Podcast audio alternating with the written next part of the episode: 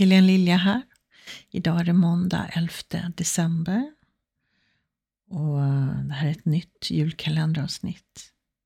Idag ska jag prata lite grann om medberoende.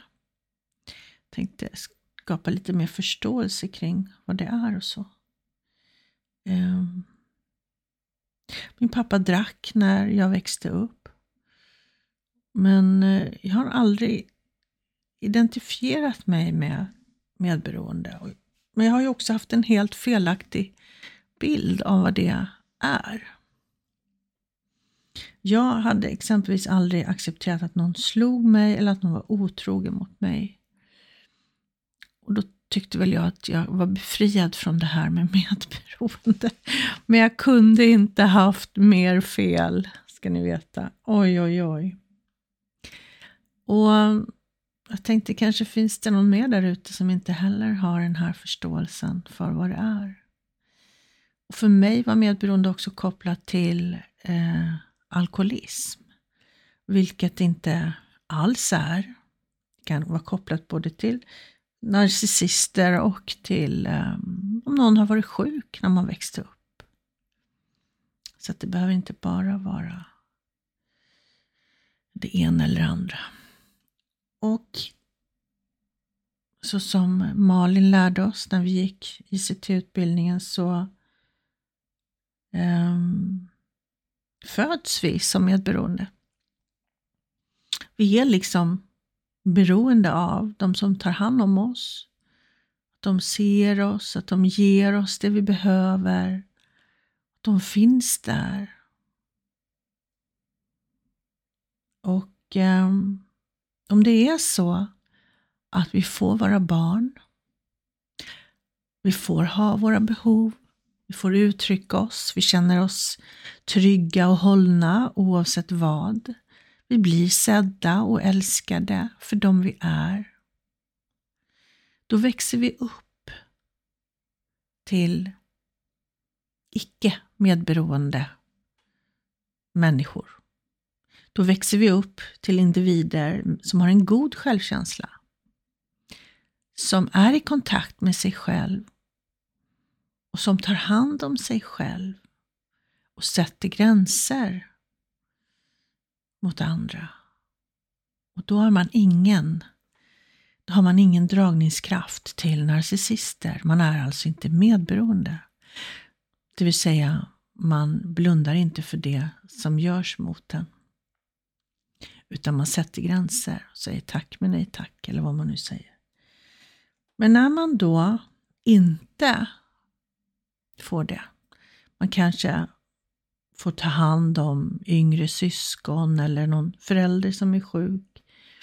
Man kanske inte får uttrycka sina känslor, man kanske ska vara tyst och timid och inte få synas och höras. Som barn när man växer upp man kanske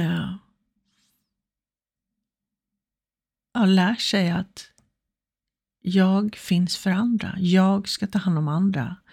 Det är fel på mig, jag behöver anpassa mig. Det är kanske ingenting som är uttalat, men känslan blir det för det här barnet som inte får vara som den är. Vi är lojala mot våra föräldrar. Så tror vi att det är fel på mig. Jag behöver ändra på mig. Så kanske man lägger skam och skuld på sig själv. Och då kan det finnas en förvirring i vad kärlek är och vad bekräftelse är. Man kanske, för att man var duktig, man presterade, man fick bra betyg i skolan eller duktig på någonting annat eller duktig hemma och ta hand om andra. Då blir man bekräftad och då känner man att man blir älskad om man inte har fått villkorslös kärlek, det vill säga kärlek för att du är den du är. Så var det för mig. Jag eh, hade ett stort bekräftelsebehov och trodde att när jag blir bekräftad så blir jag älskad. Men så är det alltså inte. Och när vi har det, när vi är medberoende och vi har det bekräftelsebehovet att andra ska bekräfta oss så är vi, som magneter till narcissister. Um, mm, ska se, vad var det mer jag skulle säga om det här? Ja.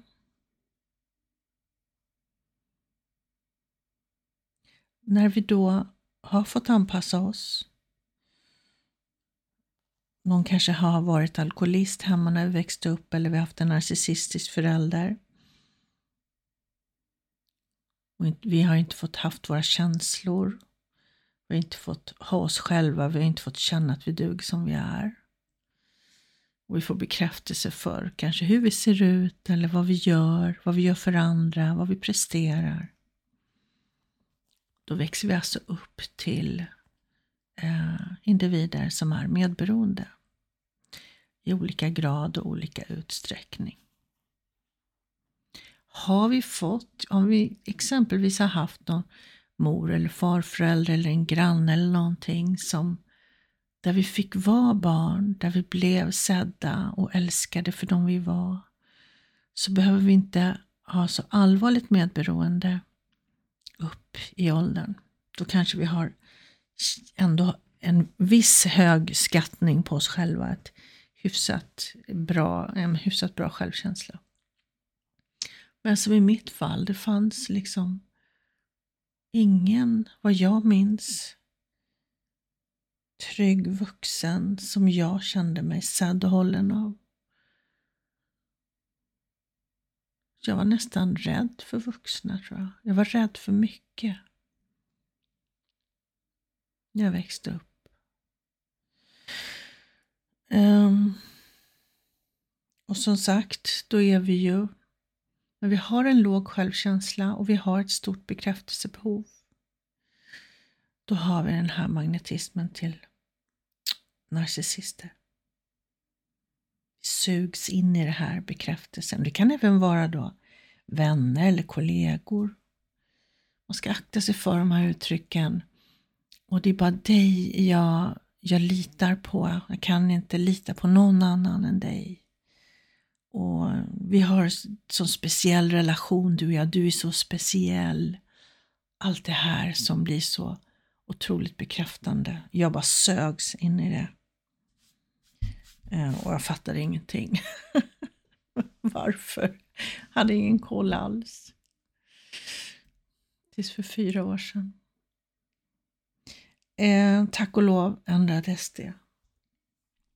Men så hur gör man? Vad behöver man göra för att ändra på det här? Att inte vara allvarligt medberoende. Jag menar, som, som jag nämnde så hade jag, just det, det finns två, två typer eller två sorter kan man säga om man ska generalisera och boxa in allting. Som jag egentligen inte gillar, men man vill förklara något så det blir tydligare när man gör det. Det finns ju den här äh, medberoende personligheten som är mer undflyende, som har lärt sig att det är livsfarligt med konflikter som barn. Så där har man valt att undvika allt sånt där. Det finns en stor rädsla för det. Så man undviker allt som kan röra till allt som kan uh, liksom skapa en konflikt och man undviker konflikter. Och så, så finns det den här lite mer aktiva då, utåtriktade, eller vad ska jag säga, aktiva medberoende personligheten som tar fighten, som står upp för sig själv, tror man då, då. men man, man håller inte tyst helt enkelt. När man känner att det här är, det här är inte rätt, det här är orättvist. Um, så, eh, och det var ju den typen som jag alltid har varit, därför trodde jag att jag inte var det. Men det de kom åt mig på, det var ju känslorna. Jag behöver det, det finns ingen annan som du, det är bara du som kan göra det här för mig, det är bara du. Förstår du? Det där, det gick jag ju på. Jag trodde jag var en så otroligt speciell människa. Som det är bara jag som kan hjälpa den här och den här personen kan inte leva utan mig. Åh, vad bekräftad jag blev då. Um, så där kom de åt mig. Du kanske också känner igen dig i det där. Att de kommer åt en via det här känslomässiga. att bli satt på en pedestal typ. Men också få dra hela lasset, ta allt ansvar. Och så. Och eh, vad man behöver göra för att korrigera det här, för att bli fri från medberoendet, det är ju att ta tillbaka sig själv. Kontakten med sitt inre. Och eh, skattningen, höja värdet på sig själv. Öka självkänslan.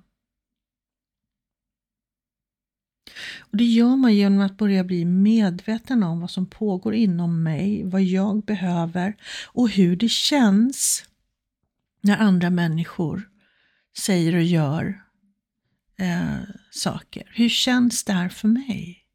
Inte bara gå till att försöka få den här personen att förstå att så här får man inte göra eller vad det nu är. Utan också stanna i dig själv och ta hand om dig själv. Och ditt inre barn, som jag ofta pratar om.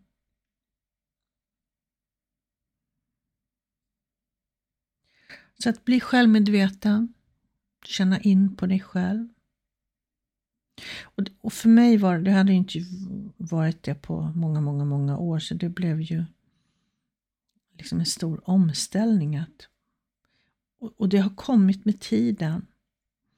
I början var det ju så att jag kanske reagerade som instinktivt, intuitivt som jag alltid har gjort då i olika situationer. Och så efteråt så bara, hmm, vad hände där? Att ref börja reflektera över sitt eget beteende. Skapa medvetenhet om dig själv. Och sen också hur du mår. Liksom skanna av dig själv inåt. Inte bara ha eh, fokuset utanför dig själv, vad andra människor säger, gör och, och så, utan också skanna in på dig själv. För att uppmärksamma om hur du mår.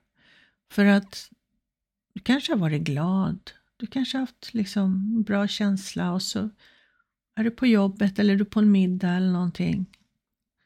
Och så bara senare så känner du att det, din, oh, det känns inget bra. Du kanske känner dig låg eller någonting. Ledsen. Och bara liksom, ja men vad hände? Var det någon som sa något? För för mig är det som att om någon har sagt någonting så här men elakt eller drygt eller någonting, då har jag liksom bara ignorerat det, låtsats som att jag inte hör. typ. Så, Det är så har varit min, mitt sätt att hantera det. Men det är klart att det känns om någon säger någonting elakt eller dumt. Så då har jag fångat upp det senare, att jaha, det var den där kommentaren. Det.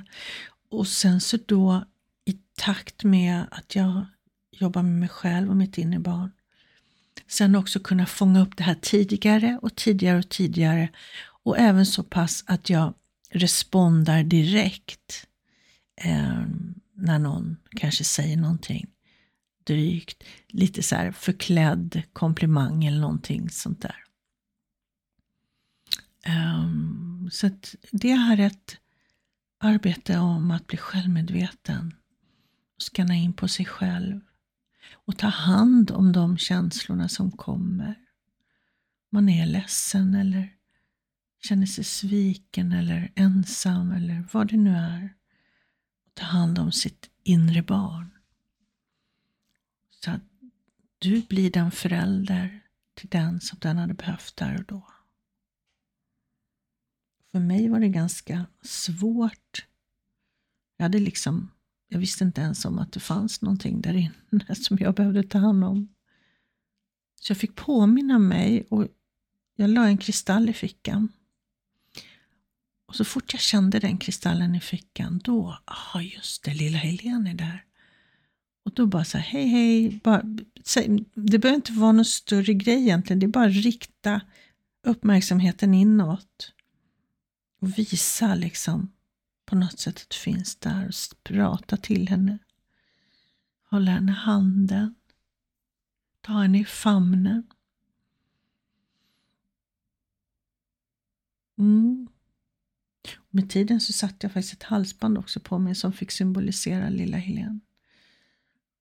Och det blev ju att jag, när jag såg det här halsbandet, eller kände det, då, då skickade jag som en tanke inåt till mig själv. Och det kan räcka. Det är ju liksom det, det räcker ju inte bara så, men ju oftare du gör det desto bättre är det ju. Och Sen också att du, när du reagerar irrationellt, det vill säga du kanske överreagerar på någonting, då är det, eller det kan vara, ska jag säga, något sår från uppväxten så att du blir så att säga kidnappad av ditt inre barns trauma. Så du reagerar utifrån eh, någonting som har hänt dig i uppväxten och inte utifrån den vuxna du. Så det kan också, eh, om du funderar lite grann kring om du har sådana triggers, där du i vissa lägen går i affekt eller du får en enorm liksom, oro eller rädsla som inte alls är i, i paritet med det som det gäller.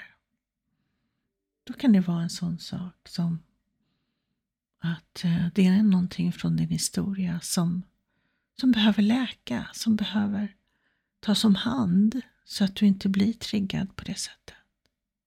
Det är ju så att vi har ju vår historia, vi har ju de saker vi har gått, varit med om och gått igenom men det är inte menat att vi ska uppleva dem, genomleva dem igen och känna allt det där igen. Utan när det är läkt så, som en klient till mig sa, han sa, jag tänker på min historia, men jag känner den inte. Och det är liksom så det ska vara. Vår historia ska inte vara det vi lever här nu. Mm så höja skattningen på dig själv, din självkänsla, genom att ta hand om dig själv, ditt inre. Vi får ju lära oss att vi ska ta hand om våra kroppar vi ska träna och vi ska äta rätt och så. Men det inre, där vi har vårt känsloliv, eh, det har vi inte fått lära oss. Och det är dags nu. Ta hand om det upptäcka dig själv. Vilken fantastisk person och individ du har. Vilken kraft du har. Um, det finns ingenting att vara rädd för där. Så um, mm, jag hoppas att jag har skapat lite klarhet kring vad det här med medberoende är. Och um, vad man behöver göra och sen så då, alla de här andra avsnitten har ju handlat mycket om välmående, hur man mår bättre med sig själv och allt sånt där ökar din självkänsla. Allt som du gör för att ta hand om dig själv för att du ska må så bra som möjligt. Så det kan du ju lyssna på om du vill det. Då. Så, då tänkte jag avsluta för idag. Vi hörs imorgon igen. Hej då!